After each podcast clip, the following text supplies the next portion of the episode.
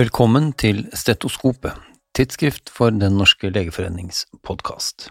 Hver annen uke med Caroline Ulvin Johansson og helseaktuelle gjester i studio, og hver annen uke Redaktørens hjørne, der jeg, Are Brean, sjefredaktør i tidsskriftet, gir deg en høyst subjektiv, av og til litt uhøytidelig gjennomgang av de nyeste forskningsartiklene, sakene og debattene i de største internasjonale generellmedisinske tidsskriftene. I en eh, tankevekkende analyseartikkel i British Medical Journal forrige uke ser Gavin Yarney fra, fra Duke University sammen med kolleger fra Peru og Canada på innsatsen for global rettferdig vaksinefordeling. Hva har blitt gjort og oppnådd, og hvordan kan innsatsen økes? Utgangspunktet er det triste faktum at mens man til nå har lykkes i å vaksinere 79% av befolkningen i de rike landene mot covid-19, gjelder dette bare 14% av befolkningen i verdens fattige land. Fortsatt er 2,8 milliarder mennesker i verden helt uvaksinerte, og pandemien herjer fortsatt. Hvordan oppsto denne skjevheten? Jarni og kolleger peker på fire forklaringer. For det første vaksineproduksjonen. De rike landene bestilte i stor grad direkte fra selskaper som raskt skalerte opp sin produksjonskapasitet, slik som Pfizer-Biontech, mens de fattigere landene og Covax i stor grad bestilte fra leverandører som var langsommere ut av startgropa når det gjaldt storskalaproduksjon. For det andre fordeling. Covax-samarbeidet skulle stå på to ben. Det ene benet var bestillinger direkte fra rike land, noe som i sin tur, sammen med donasjoner, skulle finansiere det andre benet, nemlig storskala leveranser til fattigere land. Det første benet sviktet imidlertid, i stor grad fordi et tredvetalls rike land bestilte direkte fra produsent i stedet for gjennom Covax. Likevel har Covax hittil lykkes i å levere nærmere 1,2 milliarder doser til de 92 landene som er en del av Covax' andre ben. For det tredje, de urettferdige prismekanismene. Mens EU eksempelvis betalte 3,5 dollar i snitt for hver dose med Oxford AstraZeneca-vaksinen, betalte Sør-Afrika 5,25 dollar og Uganda 7 dollar for hver vaksinedose av den samme vaksinen. Prishemmeligholdet, som også Norge var en del av, forsterket i høy grad denne mekanismen. Og for det fjerde og siste, selve vaksineringen. Store ulikheter mellom landene når det gjelder infrastruktur for fordeling av vaksiner, tilgang til helsepersonell og grunnleggende helsesystemer gjorde at selve vaksineringen ble ulikt utrullet mellom landene. Stor vaksineskepsis i en del land, særlig i deler av Afrika, på grunn av generell mistillit til myndigheter, gjorde også at vaksineringen ble forsinket. Verdens helseorganisasjon har et mål om at 70% av verdens befolkning skal være vaksinert innen midten av 2022. Det målet er vi ikke i nærheten av å nå. Så hva kan gjøres? Jørni og kolleger peker på flere muligheter. De fattige landene bør ha større nasjonal myndighet over både innkjøp og intern fordeling. Donasjoner av vaksiner, både bilateralt og gjennom Covax, må styrkes, ved utgangen til 2021 hadde for eksempel G7-gruppen og EU til sammen over 800 millioner doser eh, koronavaksine til overs. Disse dosene burde og bør bli fordelt til andre land. Dessuten må de fattigere landene støttes økonomisk og forutsigbart, slik at de nasjonale vaksinasjonsprogrammene kan bygges opp og operere mer forutsigbart for å bli mer effektive. Og til sist må lokal vaksineproduksjon styrkes, slik at vaksinefordelingen blir mer bottom up enn slik den er nå, hvor vaksinene renner ned fra de rike til de fattige. Det er ikke en levedyktig modell i lengden. Både moralsk og medisinsk er slike tiltak nødvendige, for vår alles skyld. Å gi avkall på patentrettigheter er også en viktig vei for å oppnå globalt rettferdige tiltak mot covid-19. I Verdens handelsorganisasjon, WTO, har EU, USA, India og Sør-Afrika nå sittet sammen i månedsvis for å komme til enighet om utkast til en avtale som regulerer dette. Nå foreligger utkastet, som rapportert i The Lancet denne uken. Avtaleutkastet gir alle medlemmer av WTO rett til å bruke patenterte ingredienser og prosesser for produksjon og levering av covid-19-vaksiner uten samtykke fra rettighetshaveren. Og i utkastet ligger også en opsjon om å utvide dette til også å gjelde covid-19-diagnostikk og behandling. Mottagelsen av utkastet er blandet, for å si det mildt.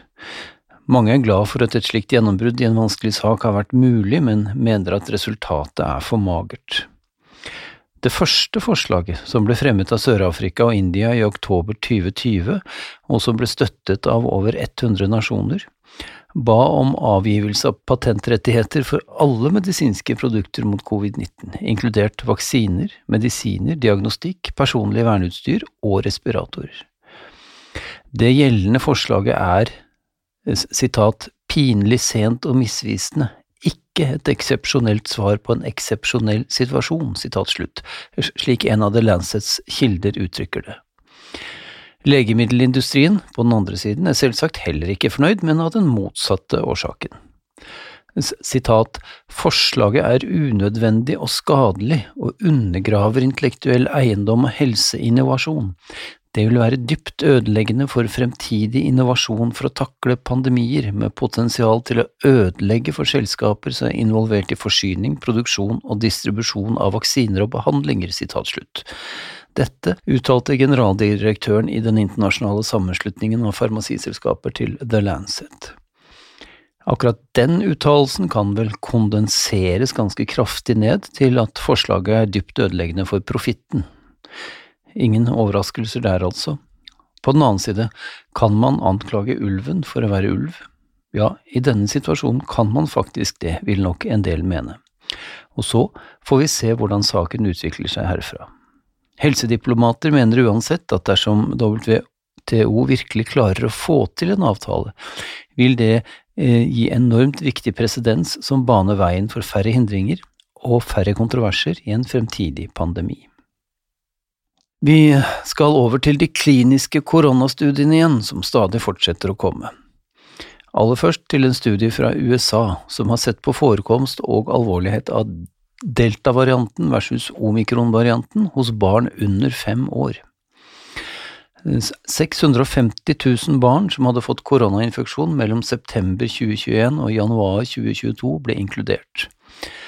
Forekomsten blant de amerikanske barna under fem år var stabil på rundt ett tilfelle per tusen barn per dag frem til desember, når omikron-varianten fikk fotfeste. Etter det økte den raskt til to til fem tilfeller per tusen per dag. Insidensen av omikron var høyere blant null til toåringer enn blant tre til fireåringer, og risikoen for alvorlig sykdom var signifikant lavere med omikron enn med delta. Det var til sammen færre enn ti dødsfall både blant de med delta og blant de med omikron. Summa summarum altså, hos små barn er omikron sannsynligvis betydelig mer smittsom, men gir mindre alvorlig sykdom enn delta. Og som kjent, dette er den samme trenden som man ser hos voksne, og som det nå også foreligger et betryggende tall for hos også de aller minste barna. Så over til Yama Pediatrics der en systematisk oversiktsartikkel har tatt for seg evidensen når det gjelder hvilken effekt skolestenging under pandemien har hatt for barn og unges psykiske helse. Det ble funnet 36 originale studier fra 11 ulike land, med til sammen nærmere 80 000 barn og unge. Studieperioden var den første bølgen av koronasykdom.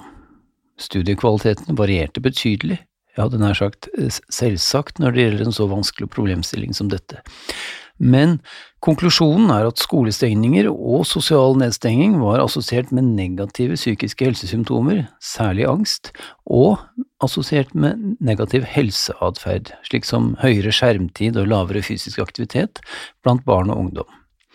Effektene av skolestengninger kunne ikke, igjen ikke overraskende, vurderes isolert fra de øvrige sosiale nedstengningstiltakene i samfunnet. Så fra vaksine til behandling. Legemiddelet Ivermektin har fått mye oppmerksomhet i det siste, og det har vært reist bekymring for store mengder egenimportert Ivermektin av ulik bonitet og styrke, særlig blant alternativmedisinske miljøer. Til dags dato er det registrert mer enn 60 randomiserte kliniske studier av dette stoffet brukt som behandling mot covid-19, men studiene er gjennomgående små, og flere er også trukket på grunn av tvil om studiekvalitet. Nå foreligger det en stor dobbeltblindet, randomisert, placebokontrollert studie fra Brasil, publisert i New England Journal of Medicine 30. mars. 3500 polikliniske pasienter med covid-19-sykdom ble inkludert og randomisert til å motta enten Ivermektin 400 mikrogram per kilo kroppsvekt eller placebo. Dertil var det også inkludert en annen intervensjonsarm som ikke er rapportert i denne artikkelen. Pasientene hadde hatt symptomer på covid-19 i opptil syv dager, og hadde minst én risikofaktor for sykdomsprogresjon. Og resultatene? Vel, 14,7% av pasientene i Ivermektin-gruppen hadde enten innleggelse eller akuttmottaksbesøk på grunn av covid-19 i løpet av 28 dager etter randomiseringen, mens 16,3% i placebogruppen hadde dette. Det var ingen signifikant forskjell mellom gruppene. Det ble også gjort en intention to treat-analyse som ga samme resultat. Og den endelige konklusjonen? Jo, behandling med ivermektin resulterte ikke ikke i lavere forekomst av innleggelse på sykehus eller observasjon på akuttmottak på grunn av progresjon av covid-19 blant polikliniske pasienter. Vil det hjelpe på egenimporten av ivermektin blant alternative medisinske miljøer? Vel, neppe.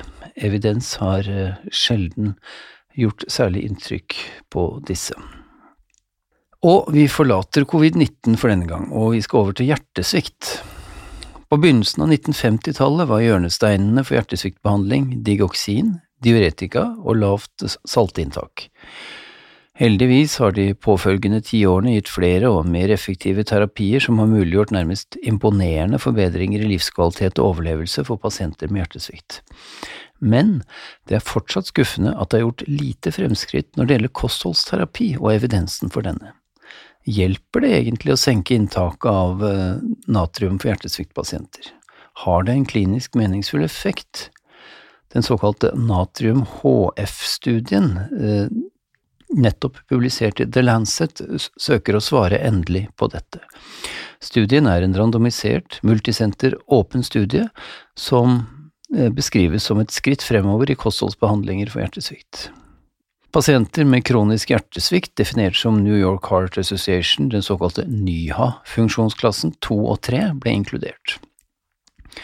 806 deltakere ble randomisert til å motta enten lavnatriumdiett, dvs. Si mindre enn 1500 mg eh, per dag, eller vanlig pleie i, hensyn, i henhold til lokale retningslinjer i 26 sentra i seks ulike land. Medianalderen var 67 år, og 33% var kvinner. Det primære utfallet var sammensatt av kardiovaskulær relatert sykehusinnleggelse, kardiovaskulær relatert akuttmottaksbesøk eller dødsfall av alle årsaker innen tolv måneder etter randomisering og etter tolv måneder var det ingen signifikante forskjeller mellom de to gruppene i primærresultatet, som forekom hos 15% i lavnatriumgruppen og 17% i den vanlige omsorgsgruppen, og det var heller ingen forskjell i hver enkelt av elementene i komposittutfallet. Det ser altså ut til at lavnatriumdiett ikke gir noen effekt ved alvorlig hjertesvikt. Men dette er selvsagt svært vanskelig forskning å gjøre, og selv om studien er usedvanlig godt designet og kontrollert, blant annet med oppfølging av hvorvidt deltakerne forholdt seg til kostholdsregimet, er heller ikke denne studien det endelige svaret på utgangsspørsmålet. Blant annet oppnådde man ikke den beregnede studiestyrken for med sikkerhet å finne eventuelle forskjeller. Dessuten var forskjellen i totalt natriuminntak blant gruppene liten. Et stort skritt fremover og den beste evidensen hittil, konkluderer en ledsagende lederartikkel i The Lancet, men fortsatt mye jobb å gjøre når det gjelder diettintervensjoner mot hjertesvikt. Mer kostholdsforskning helt på tampen i dag. En stor fransk populasjonsbasert kohortstudie nylig publisert i PLOS Medisin har analysert sammenhengen mellom kunstige søtningsstoffer og kreftrisiko. Dette har vært et omdiskutert tema i årevis. Flere mindre og eksperimentelle studier har antydet en slik sammenheng, men hittil har det ikke foreligget robuste epidemiologiske data. Her ble rett over 100 000 voksne fra det franske populasjonsbaserte kohorten Nutrinet Santé inkludert.